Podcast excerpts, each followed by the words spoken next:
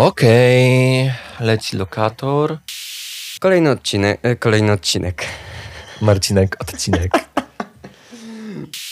No ja przede wszystkim chciałbym zacząć od tego, co ty już zacząłeś, co chyba wycięliśmy, więc może to też wytnę. No ale to o tym chciałem na koniec. A, przepraszam. Zaspoilerowałeś, Sorry, sorry, zaspoilerowałeś. Dźwięk gra tu główną rolę i jedyną rolę. Obrazy kreować można. Obrazy kreować może wyobraźnia słuchaczy. Mm, Nie wiem, czy to jest dobry pomysł.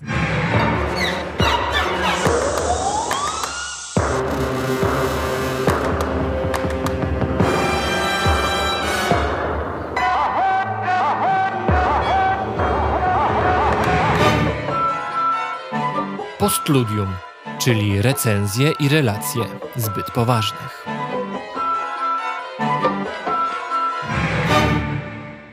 19 stycznia 2024 roku odbył się wyjątkowy koncert. No, właściwie ciężko to nazwać koncertem. To właściwie chyba powinniśmy jakąś inną nazwę znaleźć, no bo nikt nie grał. A był to koncert, yy, a właściwie odsłuch utworów w Dolby Atmos. E, o tyle wyjątkowe wydarzenie, że była to pierwsza okazja, żeby posłuchać w systemie Dolby Atmos naszych studentów, e, studentów Uniwersytetu Muzycznego Fryderyka Chopina. Poza drobnym wyjątkiem, kiedy rok wcześniej, podczas premiery płyty naszego studia elektronicznego działającego przy uniwersytecie, yy, jeden ze studentów, jeśli dobrze pamiętam, Włodek, został poproszony o napisanie takiego utworu, ale w tym roku był koncert specjalnie przeznaczony dla studentów. Tak, koncert nazywał się, y, był w ramach y, mm, takiego projektu CU Cinema Kino Dźwięku, koncert Chopin Univer- University Electronic Music Studio. E, W opisie y, można było przeczytać. Kino dźwięku to miejsce obserwacji, odczuwania dźwięków. Jest to wyjątkowy rodzaj doznania. Uczestnicy w warunkach kinowych z wykorzystaniem przestrzennego systemu dźwięku kinowego Dolby Atmos słuchają kompozycji dźwiękowo-muzycznych.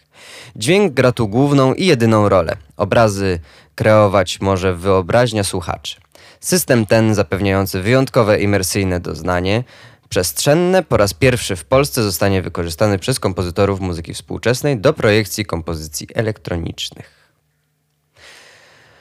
No i cóż, wyjątkowy koncert, yy, bo faktycznie te utwory no, przepięknie zostały zmiksowane w Dolby Atmos. Tutaj nie, no, wielka rola reżyserów dźwięku, którzy pomagali kompozytorom, a także czasem sami tworzyli swoje utwory.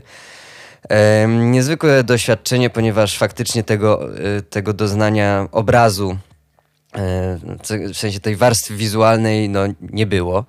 Co nawet na koncertach takich klasycznych się nie zdarza, bo ta, ta warstwa wizualna też często istnieje. W sensie lubimy patrzeć, jak muzycy grają, a tutaj no, nie było tej możliwości. No właśnie, no tak, to jest ciekawe doświadczenie wejść do sali kinowej y, i pójść tam słuchać muzyki. Myślę, że część osób, które są stałymi bywalcami mm, piątkowych, y, piątkowych projekcji filmów, które są właśnie co, co kilka tygodni wyświetlane w kinie naszym uniwersyteckim. Myślę, że część osób po prostu przyszła na kino dźwięku, nie do końca będąc świadomym, że to będzie po prostu odsłuch y, nagranych wcześniej utworów. Dokładnie. E, to co, myślę, że y, przelecimy sobie troszeczkę przez te utwory teraz. Tak, troszeczkę je fragmentów posłuchamy, a potem y, wypowiemy kilka zdań na, na ich temat. Nie zawsze pochlebnych, ale zazwyczaj pochlebnych. No jest to dla nas w ogóle ciekawe doświadczenie, że będziemy recenzować utwory naszych znajomych i mamy nadzieję, że tutaj nikt się nie poczuje urażony. Na tym, y, na tym koncercie był też mój utwór, którego ja nie mam zamiaru recenzować, zrobi to Marcin. Mam nadzieję, że ja się nie poczuję urażony. Albo No, najwyżej będzie to nasz ostatni odcinek. Pierwszy utwór. Lena Michajłów, Spoko, Luz. Reżyseria dźwięku Jakub Rutyna i Michał Jakubiak. Spoko, luz. Spoko, luz.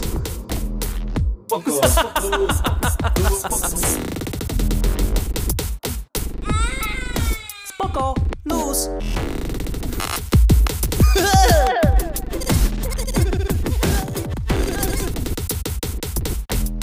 luz. Spoko, luz. Spoko, spoko, spoko, luz. No cóż, e, bardzo osobisty utwór, e, gdyż wykorzystane tam e, słowa, które są w tym utworze, jakby no tak trafiają dosyć bezpośrednio i my też znając Lenę wiemy, że, że jest to, no wynika to z, z jej przeżyć. E, Zresztą tak jak w ogóle większość utworów wynika z przeżyć kompozytora, ale tutaj w, szczególności ta dosłowność rzuca się na pierwszy plan. E, No i koncert się właśnie zaczął od takiego mocnego, mocnego uderzenia, e, który w tej sali kinowej zabrzmiał no, hipnotyzująco, bo ten dźwięk po prostu otaczał nas zewsząd i, e, i ten beat był naprawdę, naprawdę mocny. Znaczy, ja przede wszystkim byłem pod wrażeniem tego, że y, jednak bardzo łatwo właśnie mając y, jako za materiał wyjściowy wybierając tak dosłowne, że tak powiem, fragmenty czy wypowiedzi, czy no, to było nagranie lektora po prostu, tak? Ale no tak dosłowne, bo tego fragmentu nie usłyszeliście, a tam wcześniej było kilka minut, które się rozkręcało, które pozwalało na po prostu cytatach chyba z, róż- z poezji, ale, ale też po prostu chyba napisanych przez Lenę, czy stworzonych przez Lenę. I na tak dosłownym tekście, tak prostym i tak no, głupim, tak? W sensie to celowo było głupi tekst, zbudować takie trzy minuty utworu, czy to było, nie wiem, czy około trzech minut utworu, który się nabudowuje i nie nudzi się, w sensie, że każdy kolejny, każde kolejne wejście kolejnego tego cytatu to nie było taki, nie, nie czuć było cringe'u, w sensie czuć było cringe, ale ten taki właśnie no, czu- Celowy. tak, Celowy. celowy, tak? Nie bałeś się, że zaraz coś się pojawi, czego nie chcesz usłyszeć, tylko to było takie o i po prostu jak z liścia, po prostu i kolejny, i kolejny, i było coraz więcej, coraz mocniej. Tak, ba bardzo bogaty był ten utwór w takie różne, em, różne rzeczy, ale y, nie czułem też, nie czułem takiego chaosu w nim. W sensie on był bardzo naturalnie zbudowany w tym wszystkim i konsekwentnie. I to był, był naprawdę taki bardzo wciągający też tak narracyjnie. Tak, no i potem kulminacją był właśnie ten fragment, p- nie wiem jak go nazwać, y, densowy, y, który się, z którego się rozwijał właśnie ten tytułowy Spokolus. Tak. Następny utwór, Bartosz Mularski, Allegro Semplice, reżyseria dźwięku Katarzyna Kowalczyk i Piotr Klauza.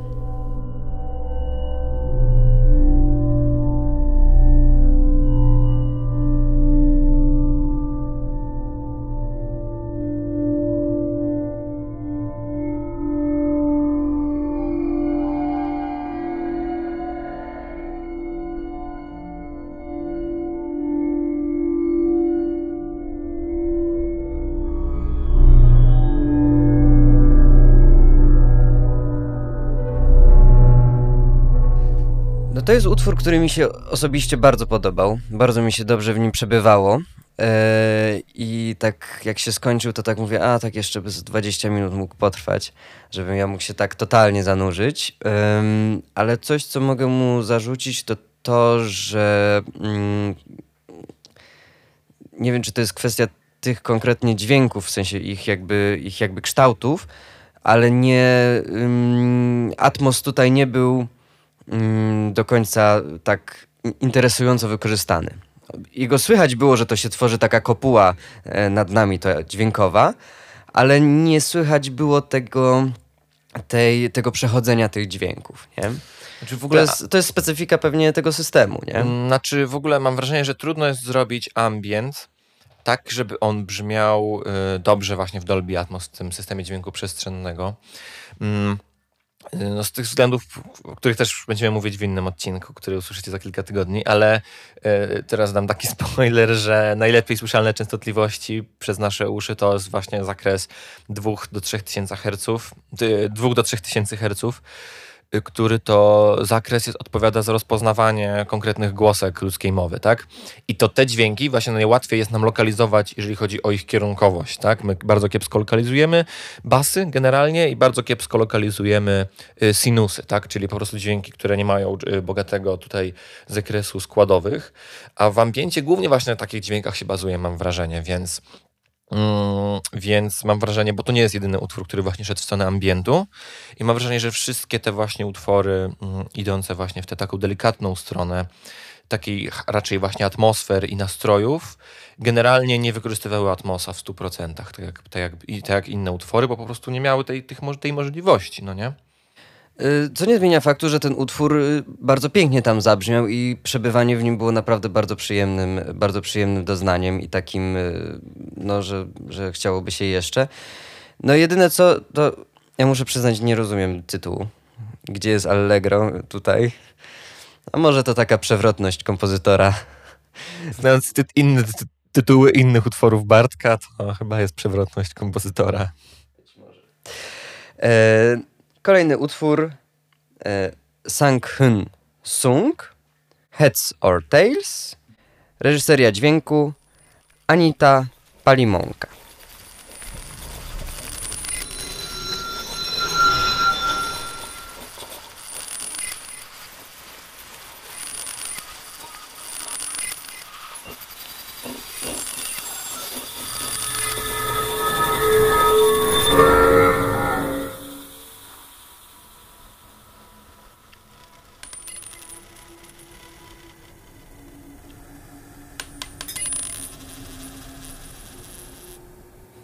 Ja chciałem jedynie zauważyć, że to, czego mm, wy, słuchacze, możecie posłuchać, to jest jedynie taki przedsmak, albo raczej posmak y, tych utworów, które słyszeliśmy na koncercie. No, z dwóch powodów. Przede wszystkim dlatego, że my tu puszczamy oczywiście fragmenty. Często te utwory, większość tych utworów była stworzona tak, żeby dopiero w całości one tak tworzyły jakąś taką narrację zbójną. Większość tych utworów trwała około 6-7 minut, więc no powiedzmy, że 30 sekundowy, 30-sekundowy fragment jest mało reprezentatywny, aczkolwiek staraliśmy się wybrać takie najbardziej i tak najwięcej mówiące o tych utworach. No a dwa, że oczywiście nie ma tutaj żadnego dźwięku przestrzennego, tak, tylko jeżeli słuchacie tego na słuchawkach, to macie jedynie dwa kanały i no wiadomo, czy w metrze, czy coś, to nie do końca jest to samo, ale no wiadomo, że mamy to tutaj tylko, żeby wam pokazać jakieś takie No refleksje. właśnie, a y, refleksja ta wynikła z tego, że akurat ten konkretnie utwór był jednym z najlepszych na tym koncercie wykorzystaniem y, systemu Dolby Atmos. Ten dźwięk chodził po tej sali niesamow- w niesamowity sposób. Naprawdę y, czuć było jakby ta moneta była raz tu, raz tu, raz tam. Tutaj machałem rękami, czego też nie widzicie. Ale to było naprawdę. Ja słyszałem ten utwór dwa, dwa razy. Za pierwszym razem mi, mi nie podszedł, e, a za drugim razem byłem naprawdę, naprawdę zachwycony, że, że ten, ten system może robić tak świetne, świetne wrażenie przestrzenne. Tak, no to utwór brzmiał tak, jakby mógł być normalnie e, zawsze przed jakimkolwiek pokazem w, na, w naszym kinie. Leci taka plansza z Dolby Atmosa, i, i w, która ma pokazać po prostu jakby możliwości tego systemu dźwięku. Tam jest dziewczynka, która dryguje ptakami, no taki, taki generalnie wesoła animacja taka. I tam właśnie ten dźwięk też tak otacza. No to moim zdaniem y, Orzeł czy Reszka Sunga mógłby spokojnie y, iść do, z jakąś dobrą animacją mógłby spokojnie iść do tego intra, nie? Do kolejnego intra atmosowego. Tak, to prawda. Bo rzeczywiście ta, ta moneta była z wielu stron. Yy, Nie wiem, czy narracyjnie ten cały utwór był tak samo napięty, tak samo intensywny i, i tak samo wciągał do słuchania. Natomiast on na pewno robiło gigantyczne wrażenie, to jak po prostu ten obraz tego dźwięku po prostu przesuwał się i... tak, no właśnie. niesamowite. Może narracyjnie nie, nie był tak dociągnięty jak y, wiele utworów, które były na tym koncercie, ale sama ta przestrzeń jakby robiła robotę tej ciekawości, że zaciekawiała tego słuchacza. No dobrze, czwarty utwór. Przemysław Pacek, Generative Counterpoint. Reżyseria Dominik Greenwald i Gabriela Białek. Wykonanie na perkusji Bartłomiej Sud. Ponieważ zaznaczmy, że był to jedyny utwór, który zawierał nagrania e, żywych instrumentów. W sensie część utworów na, z, z, zawierała sample z instrumentów bądź sample z głosu, natomiast to był jedyny utwór nagrany w całości na żywo przez instrumentalistę.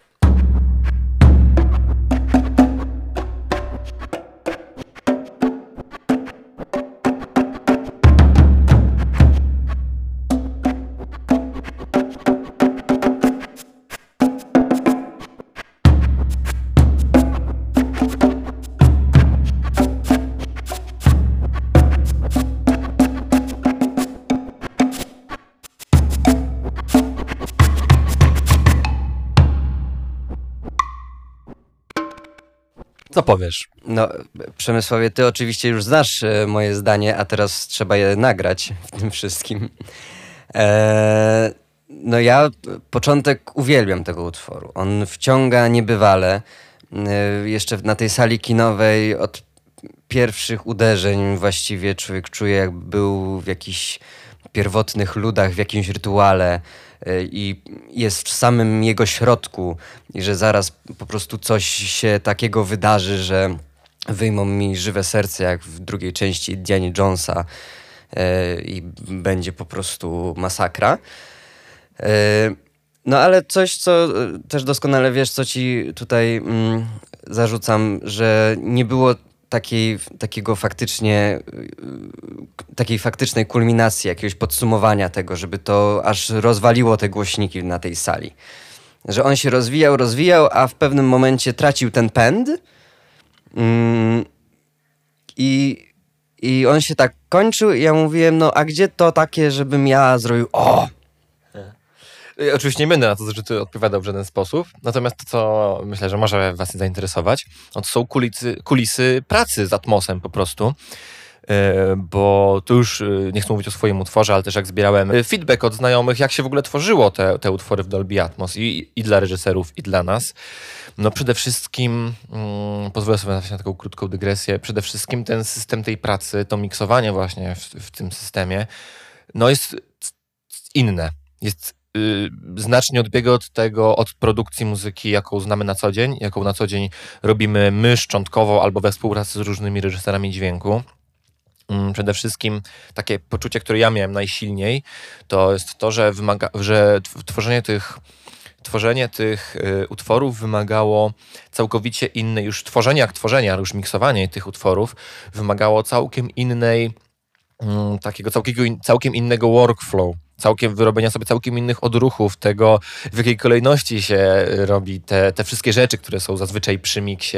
Y, Część tych rzeczy się pomija, część robi się inaczej, y, całkowicie inaczej działa. No tutaj nie chcę się w jakieś takie technikalia wdrażać, no ale sami możecie sobie wyobrazić, że w momencie, kiedy puszczacie coś na naszej sali, jest bodajże 40 g- głośników czy coś koło tego i jak inaczej w ogóle rozplanowujecie głośność w momencie, kiedy puszczacie coś dwoma głośnikami i one przez dwa głośniki i one po prostu mają limit tego, że jeżeli puścicie tam więcej dźwięku, większe natężenie dźwięku niż ileś, to po prostu głośniki nie wytrzymają i wam pokaże na czerwono przester na komputerze.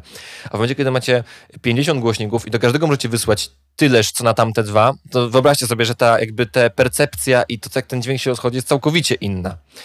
Em, oczywiście nie wysyłam do każdego głośnika osobno, ale to wszystko są te zagadnienia, które trzeba było gdzieś tam podjąć, przemyśleć, dobrać do tego różne narzędzia i to było bardzo trudne.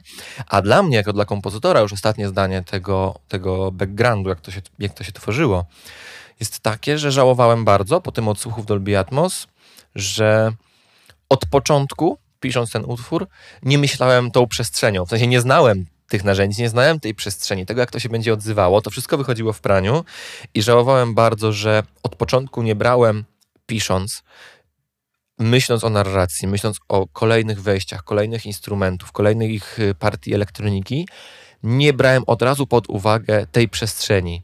Ja, ja gdzieś miałem to z tyłu głowy, tak? I jakby wyobrażałem sobie, gdzie co będzie, ale potem, jakby to jak to brzmiało rzeczywiście, to prze, prze, przechodziło moje wyobrażenia i miałem takie, kurczę, to miało taki potencjał. A ja tak mało tu dałem, ale no to chyba, to chyba każdy kompozytor tak ma po napisaniu kolejnego utworu. Tutaj Przemek troszeczkę według mnie zbyt krytycznie, bo ten dźwięk naprawdę świetnie się, świetnie chodził po tej sali. E, tak nawiązując do, do kulisów y, powstawania y, utworów w Atmosie, ja nie mam żadnego utworu w Atmosie, ale wiem jak to się robi. No i tutaj warto też podkreślić, że miksujecie w innej sali, a potem odsłuch jest w innej sali. No tak. Gdzie w tej sali, gdzie, gdzie jest to miksowane, no to jest taki mały atmos, prawda? W sensie to jest taka imitacja troszeczkę Znaczy, tego właściwie to jest trochę na odwrót, ale nieważne. W sensie No, właśnie w tej no, sali, w której miksujemy, jest ten taki prawdziwy atmos, a w sali, w której słuchamy, jest atmos tylko do odsłuchu. To właśnie na odwrót. Przy czym ta druga właśnie sala, ta docelowa jest większa, więc to się wszystko też tak troszkę zmienia. Kolejny utwór Barbara Zach, Non-Age, reżyseria dźwięku Wiktor Skrzypczyński i Krzysztof Janik.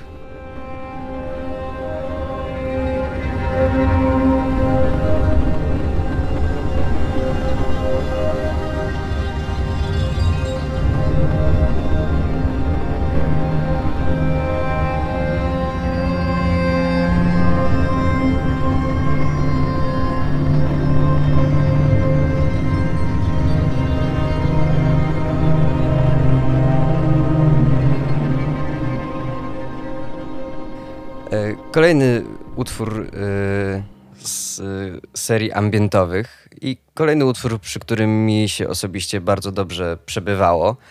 E, troszeczkę bardziej zróżnicowany niż utwór Bartosza. E, pod takim względem e, mnogości wysokości, że tak powiem. I mnogości barw. I mm, też kolejny utwór, przy którym e, stwierdziłem, że szkoda, że się już skończył. Mm.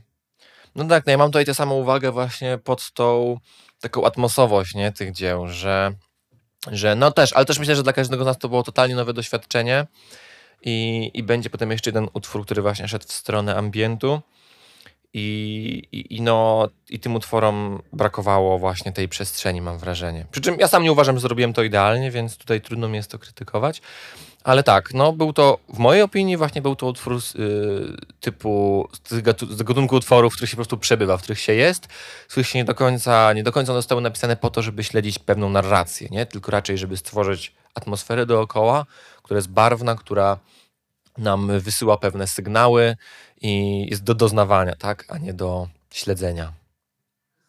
Olga Pasek, Adas Monolog, reżyseria dźwięku Katarzyna Kolecka i Adrianna Wołowicz.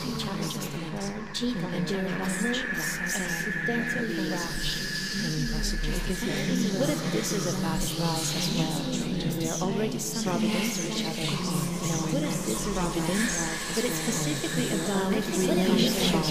But it's specifically about relationships. It's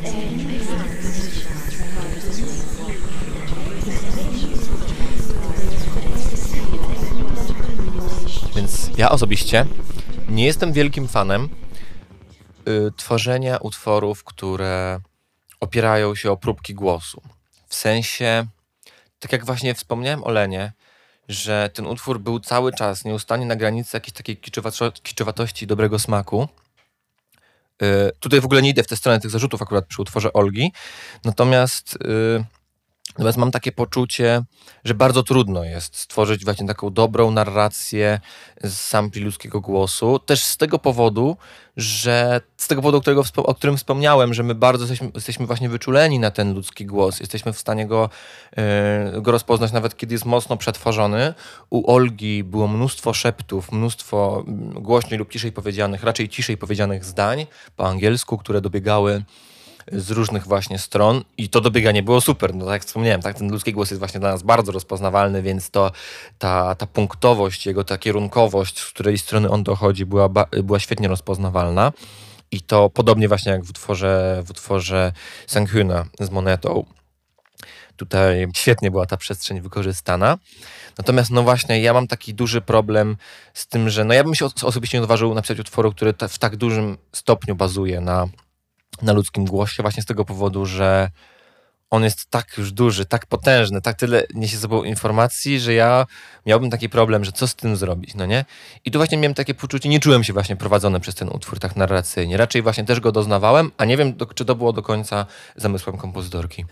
Y, Ja nie wiem, czego nie śledziłem, bo to chyba nie o to chodziło, ale ja czułem taki ogromny niepokój w tym utworze, że te, te szepty, one były takie jeszcze pon- ponakładane na siebie, że one były po angielsku, ale ja nie, nie byłem w stanie za bardzo wydestylować tych, y, tych słów. Może też się za mało skupiałem, bo ja mam trochę tak, że jak słyszę angielski, to się wyłączał, wyłączam automatycznie y, i trochę mi się nie, słucha tego. Ale ta... no, no czułem, czułem niepokój, który może był zamierzony, więc, y, więc tutaj, y, tutaj y, nie mam żadnych pretensji. W każdym razie na podstawie tych sampli mm, właśnie ludzkiego głosu były też bardzo piękne jakby faktury i bardzo piękne dźwięki i to było naprawdę, naprawdę bardzo trafione i bardzo szlachetne. Tak, no to właśnie to też, co miałem teraz dodać, to jest właśnie to, że chyba cały ten utwór, albo znaczna jego większość bazowała, nawet te melodyjne fragmenty, tak, te takie dźwiękowe fragmenty bazowały na ludzkim głosie, który był, nie wiem, rozciągany albo skracany, transponowany i, i to było zrobione w naprawdę świetny sposób i świetnie się komponowało z tymi właśnie szeptami i z całą resztą. Kolejny utwór Franciszek Wiszniewski, Efekt motyla, reżyseria Franciszek Wiszniewski.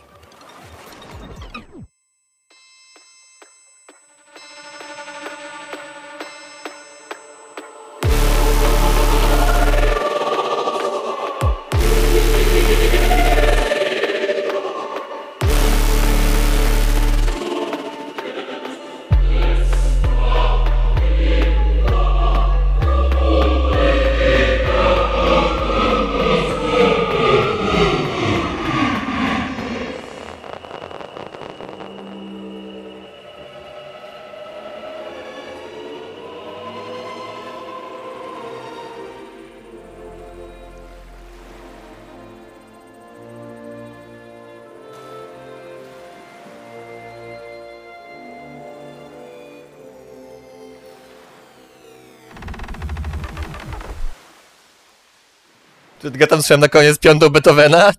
Tako. Y, nie no.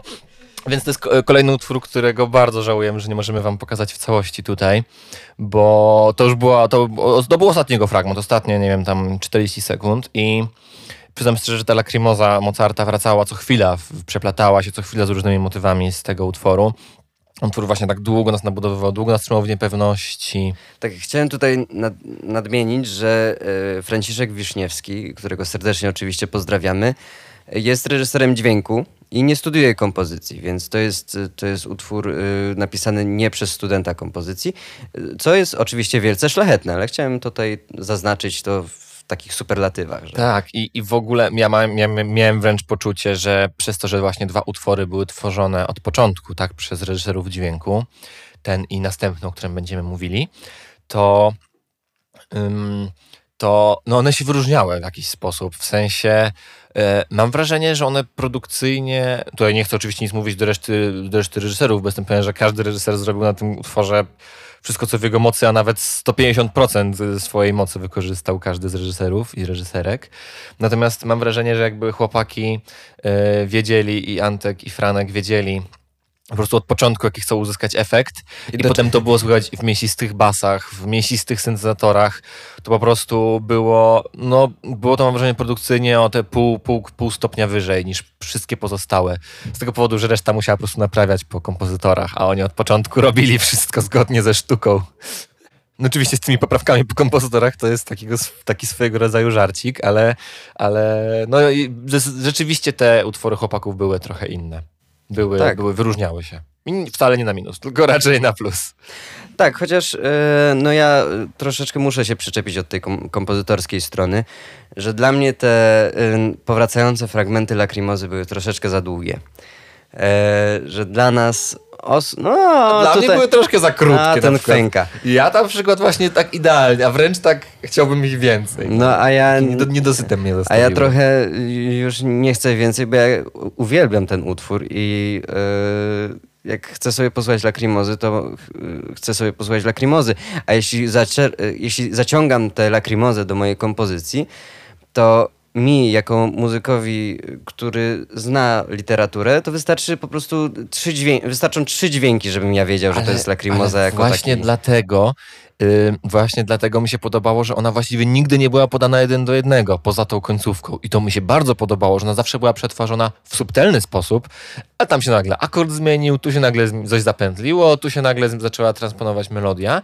I mi się bardzo podobało to, że ja chciałem dostać tę lakrimozę, cały czas dostawałem ją jakąś taką inną i dopiero na koniec te tira, tira. I mi się właśnie podobało, mi się to podobało jako właśnie rozwiązanie napięcia cał- budującego, budowanego przez cały utwór.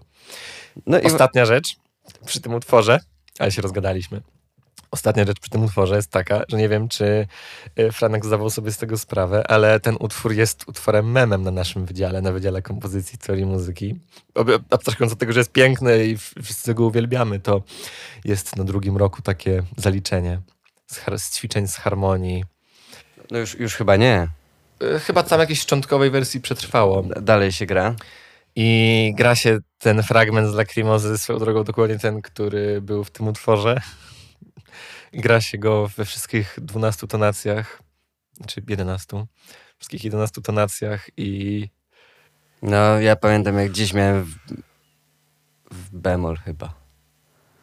Ja wyparłem, wyparłem ten egzamin. Na, najlepsze było to, że y, ja bemol nie wiedzieć czemu miałem najlepiej wyćwiczoną, bo jakoś tak mówię, a chyba będzie bemol. I w tym bemol najwięcej tłukłem te lakrimozy, no. No, to był jeden z trudniejszych chyba egzaminów i taki, i potem zawsze, no myśmy to potrafili, nie wiem, śpiewać w czterogłosie, potem już w każdej tonacji, jakby to, to jest po prostu taki mem, taki żart po prostu z tą lakrimozą, że jak się nie wie, co, siedzisz przy fortepianie, nie wiesz co zagrać, to grasz lakrimozę, nie? Najlepiej w jakiejś totalnie odjechanej Ze tonacji. wszystkich tonacji. No, także, także to było, myślę, dla nas jeszcze pod tym To było kątem. na pierwszym roku. To było na pierwszym Na roku. pierwszym roku, masz rację. Ja pamiętam, y, że kiedyś podszedłem do, do jakiejś dziewczyny na jakiejś imprezie i mówię, cześć, zagrać ci lakrimozę we wszystkich tonacjach? Był to bardzo kiepski po- sposób na podryw. Antoni Cieplik. Trzy, trzy, trzy. Ewentualnie free, free, free. Reżyseria dźwięku Antoni Cieplik.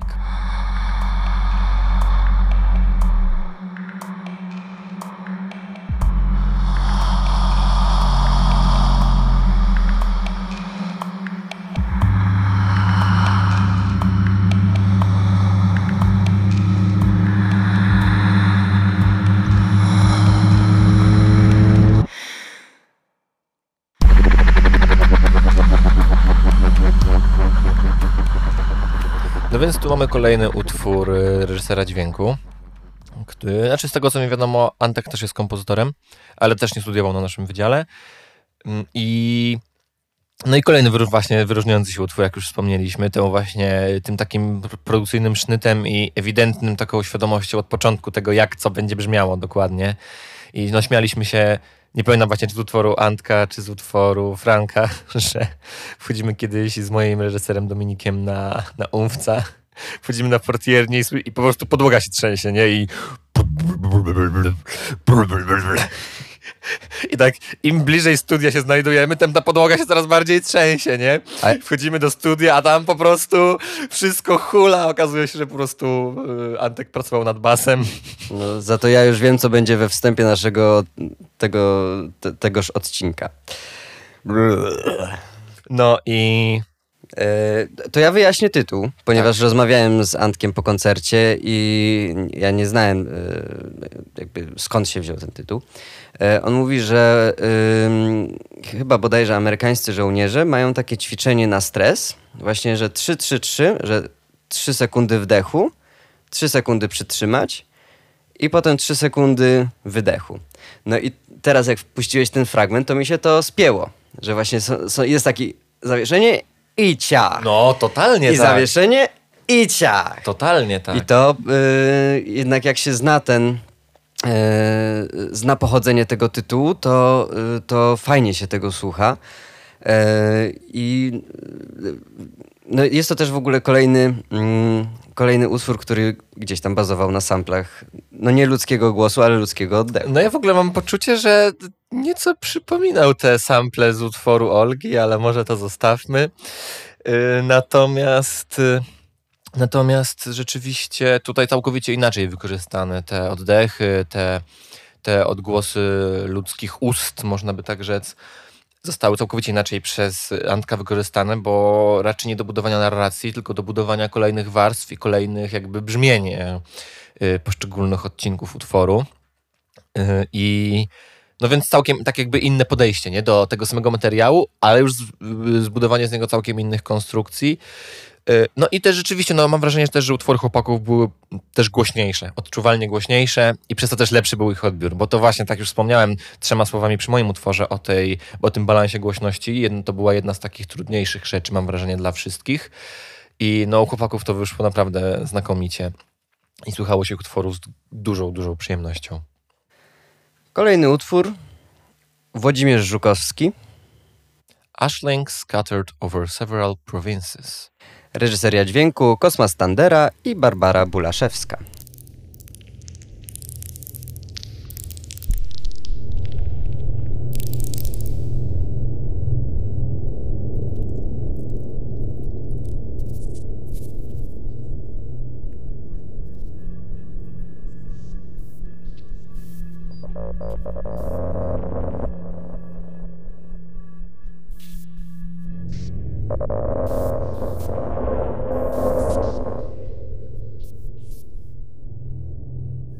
Tytuł można by w swobodny sposób przetłumaczyć jako popiół rozrzucony po kilku prowincjach.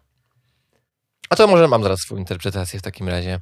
Utwór bardzo długo, y, mam w moim odczuciu, bardzo długo nie było w ogóle w nim słychać Atmosa. Właśnie od początku. To, co wam puściliśmy, to jest y, początek, ale nie od samego początku, tylko kawałeczek dalej.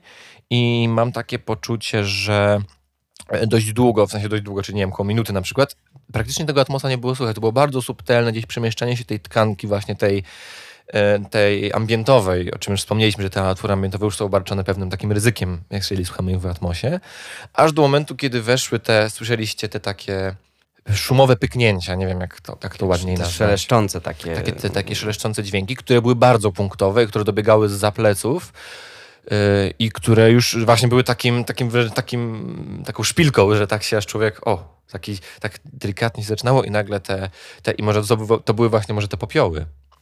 No, y, to ciekawe, y, masz spostrzeżenie, bo ja znowuż sobie zanotowałem, że to było dosyć ciekawe y, wykorzystanie Atmosa, takie właśnie z takim bardzo świadomym e, wykorzystaniem, gdzie ten, że jakby część dźwięków ma właśnie stać gdzieś nad nami, Mhm.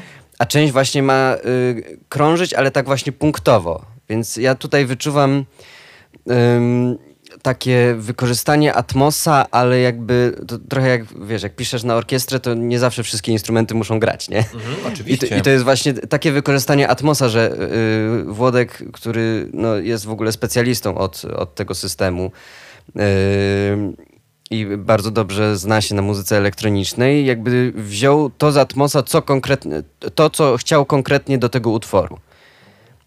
Y, tak, tak wyczuwam jego intencje.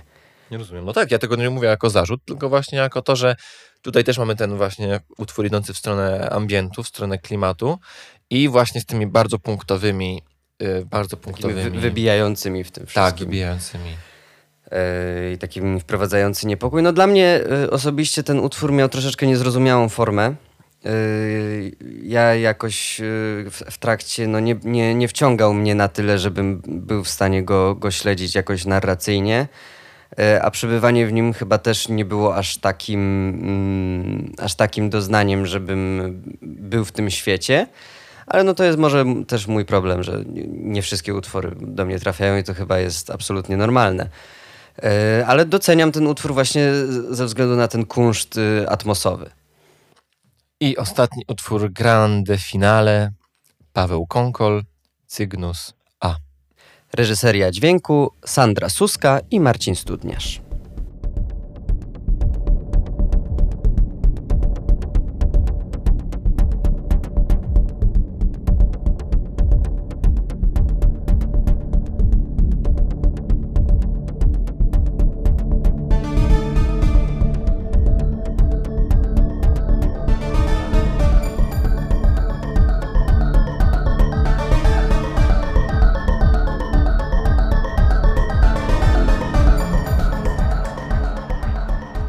Chciało od razu całego posłuchać.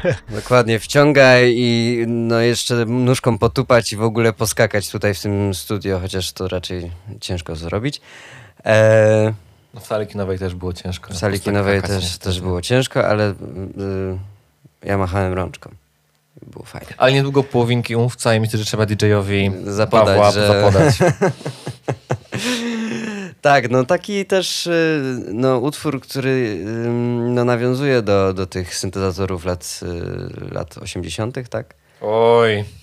No ja to się poczułem, jakbym wsiadł do jakiegoś wehikułu czasu dosłownie, no. Tak, no y, przy czym no właśnie nawiązuje, ale nie, nie kopiuje i słychać jednocześnie taki vintage'owy sznyt w nich, ale już, już nowoczesny. W sensie już jest... ym, już słychać, że te syntezatory są na lepszym poziomie niż wtedy. na Znaczy przykład, ja w ogóle, y, znaczy, takie dominujące, miałem bardzo w ogóle, chyba to był taki utwór, który we mnie wzbudził najwięcej emocji. E, tak czysto właśnie pod względem brzmienia już, nawet nie prowadzenia narracji, nie takich emocji e, takich bardzo skomplikowanych, tak, tylko właśnie takich raczej na zasadzie skojarzeń, na zasadzie kodów. To był utwór, który naprawdę mnie tak szarpał wręcz w jedną, w drugą, w trzecią stronę. I takie dominujące uczucie to miałem poczucie bardziej, że mm, że no tak, nawet jeżeli niektóreś fragmenty brzmiały bardzo jak wyjęte z tamtego okresu, chociaż tych fragmentów nie było dużo i generalnie utwór był naprawdę na takim dość wysokim poziomie abstrakcji momentami, to to, kto, to czy kiedykolwiek ktoś z was słyszał muzykę synthwave'ową w Dolby Atmos? Jakby to już samo to, że to po prostu hulało po tej sali jak złe, było bardzo głośno, było, no to, ten dźwięk był dopracowany w 100%, jeżeli chodzi o samo jego brzmienie, no to sprawiało, że no my czuliśmy, że to jest właśnie nawiązanie bogate, tutaj czerpanie z synthwave'u albo z innych nurtów tamtych czasów. A jednocześnie, no, przez to, że to było w Dolby Atmos, no to Jack miał takie, że ten, że mózg się po prostu lagował i było takie, ale, wow, o, ale co, ale jak, o, wow. Nie, i takie cały czas. To kolejne brzmienie dochodziło i ja za każdym razem miałem, wow. Tak, i to był, to był grande finale, y, to było grande finale tego całego koncertu. Eee, I cóż, kilka słów chyba podsumowania teraz. No więc na początek kilka słów o tym w ogóle, całej idei tego koncertu. Tutaj całą historię nie będę wam streszczał, natomiast, natomiast nie jest to częste, że przy tak dużych projektach, czy może źle to ująłem, to nasz wydział nieczęsto współpracuje w takim wymiarze z Wydziałem Reżyserii Dźwięku i szkoda. Po tym, po tym koncercie mam poczucie, że szkoda, że to nie jest częstsze, że rzeczywiście zaj, z, z, zaj, możliwość zajrzenia w ten warsztat reżyserów właśnie tego, w jaki sposób oni tworzą, co jest możliwe do osiągnięcia brzmieniowo, a co możliwe nie jest. I gdzie są pomysły, gdzie się kończy jakby wizja kompozytora, gdzie zaczyna wizja reżysera, dźwięku, która jest, którego udział jest dużo większy w przypadku miksowania takiego utworu na Dolby Atmos, niż w przypadku miksowania po prostu większości po prostu nagrań, tak, muzyki poważnej czy muzyki współczesnej. I no, było to bardzo, bardzo, bardzo kształcące doświadczenie. No i też takie nieczęste, o czym zacząłeś już mówić, nie? No właśnie, ale wy byliście dobierani, yy, no nie znaliście się wcześniej. E, Część osób się znała i wtedy mogliśmy sobie znaleźć parę, część osób była losowo wrzucana do pary. Na każdego kompozytora przypadało dwóch reżyserów dźwięku lub trzech. No właśnie. E, no i to jest chyba też, było też takim wyzwaniem, żeby znaleźć ten wspólny język, że jakby kto na kogo czeka, nie? Czy reżyser powinien pokazywać kompozytorowi, że słuchaj, ale możesz przecież jeszcze tak zrobić, tak zrobić, tak zrobić. E, czy y, kompozytor powinien mówić, e, no dobra, a panie reżyserze, a czy da się zrobić tak i tak i tak, nie? Że y, tak się zastanawiam też, jak, jak, to, jak to wyglądało. No, no to akurat z Dominikiem chyba znałeś się wcześniej, więc... y, Tak, myśmy się celowo dobrali. Natomiast no, mm, dla mnie to było takie ciekawe obserwować właśnie tą współpracę kompozytorów, innych, różnych, bo wiadomo, na swoją pracę się nie patrzy z dystansem, ale czasami się sesje nagraniowe, sesje miksowania zazębiały i wtedy mogliśmy obserwować kilkanaście minut pracy drużyny przed i drużyny po. I po prostu też poczułem się właśnie jak w opowieściach y, z studia eksperymentalnego Polskiego Radia, gdzie właśnie przychodził kompozytor, tam już na niego czekało dwóch reżyserów dźwięku i kompozytor tylko mówił, no tu chciałbym taki dźwięk, tu taki, a tu mam taki pomysł, a tutaj to chciałbym zrobić. No i ci reżyserzy wszystko robili za tego kompozytora albo przy niewielkim udziale tego kompozytora. Zależy oczywiście od kompozytorów, bo byli też tacy, którzy byli reżyserami dźwięku i sobie sami tworzyli, tak? Ale generalnie było takie, taki vibe, że jednak ci reżyserzy byli do usług, że tak powiem, tego kompozytora i oni się lepiej znali po prostu na tej części elektronicznej. Tutaj mały trend historyczny. Po prostu na początku, st- na początku funkcjonowania studia eksperymentalnego te maszyny były na tyle skomplikowane i na tyle też drogie, i na tyle łatwo było je zniszczyć, e, że po prostu nie dawano kompozytorom e, samemu pracować nad No tu było dokładnie to samo. Sprzęt, na którym pracowaliśmy, był tak skomplikowany w obsłudze i tak drogi, i tak łatwo go zniszczyć, że albo przynajmniej roz, jakoś rozkalibrować, znaczy nie tyle rozkalibrować, co jakoś roz, porozpinać jakieś pewne, nie wiem. No właśnie, ja nawet nie potrafił włączyć sobie tej sesji, tak, żeby to zaczynało, żeby to było gotowe do miksu. Znaczy już powiedzmy po dwóch tygodniach się nauczyłem, ale jakby to była dla mnie czarna magia. Więc rzeczywiście ta nasza zależność od reżyserów dźwięku była dużo większa niż zazwyczaj. I było to bardzo, bardzo ciekawe i bardzo kształcące. No i dla mnie też jest kolejnym koncertem, z którego bardzo się cieszę, yy, że, że koncert, który jest przecież w zamyśle edukacyjny, tak, ma służyć rozwojowi studentów, po prostu był całkiem niezłym wydarzeniem artystycznym. Tak, i właśnie e, to ja płynnie przejdę do takich wrażeń e, czysto koncertowych. że ja mimo, że no, muzyka elektroniczna to nie jest mój świat, e, no to nie jest coś, w czym znajduję zarówno swoje, jakby nie, nie tworzę dużo muzyki elektronicznej, bardziej to jest, jak już, jak już muszę, to tworzę. E, nie, nie jaram się tymi wszystkimi syntezatorami, systemami. E, To, to nie jest totalnie mój świat, a jednak e, będąc na tym koncercie, mimo że to była ciemna sala, nic nie, jakby nie było takiego wizualnego, to każdy następny utwór ja byłem wciągnięty, zaciekawiony, co, co teraz będzie. Co, co to może być? Zwłaszcza, że te utwory były bardzo od siebie zróżnicowane. Tak, były Że- skrajnie różne. Tak, no. były skrajnie różne. Te podejścia do Atmosa były zupełnie inne. E, mimo, że na przykład ktoś korzystał z podobnych dźwięków, na przykład właśnie tego głosu, e, czy z tych oddechów, to jednak e, użycie ich było zupełnie e, inne. No i to było naprawdę bardzo ciekawe i bardzo takie artystyczne przeżycie dla mnie w tym. No przede wszystkim naprawdę mało takich koncertów jest w ogóle w Polsce. Nie wiem jak na świecie, pewnie jest ich trochę więcej na świecie. Natomiast no, wydaje mi się, że jesteśmy jedyną uczelnią muzyczną w kraju, która ma dostęp do takiej jakości studia i do miksu i do odtwarzania tego dźwięku potem. No także jest to naprawdę, była to świetna okazja i też dla publiczności, mm, dla was, drodzy słuchacze, jeżeli chcielibyście kiedyś pójść na taki koncert, po prostu warto. Dla samego tego doświadczenia, tych dźwięków, które po prostu dochodzą, dobiegają z każdej strony, otaczają, wypełniają tę przestrzeń. No doświadczenie takie trochę mistyczne wręcz, nie? Momentami. Tak, tak, tak. No, nie nudził się ten koncert i właśnie taki naprawdę był Jako, że zaśnie już nas tutaj wygania sąsiad. E, To był.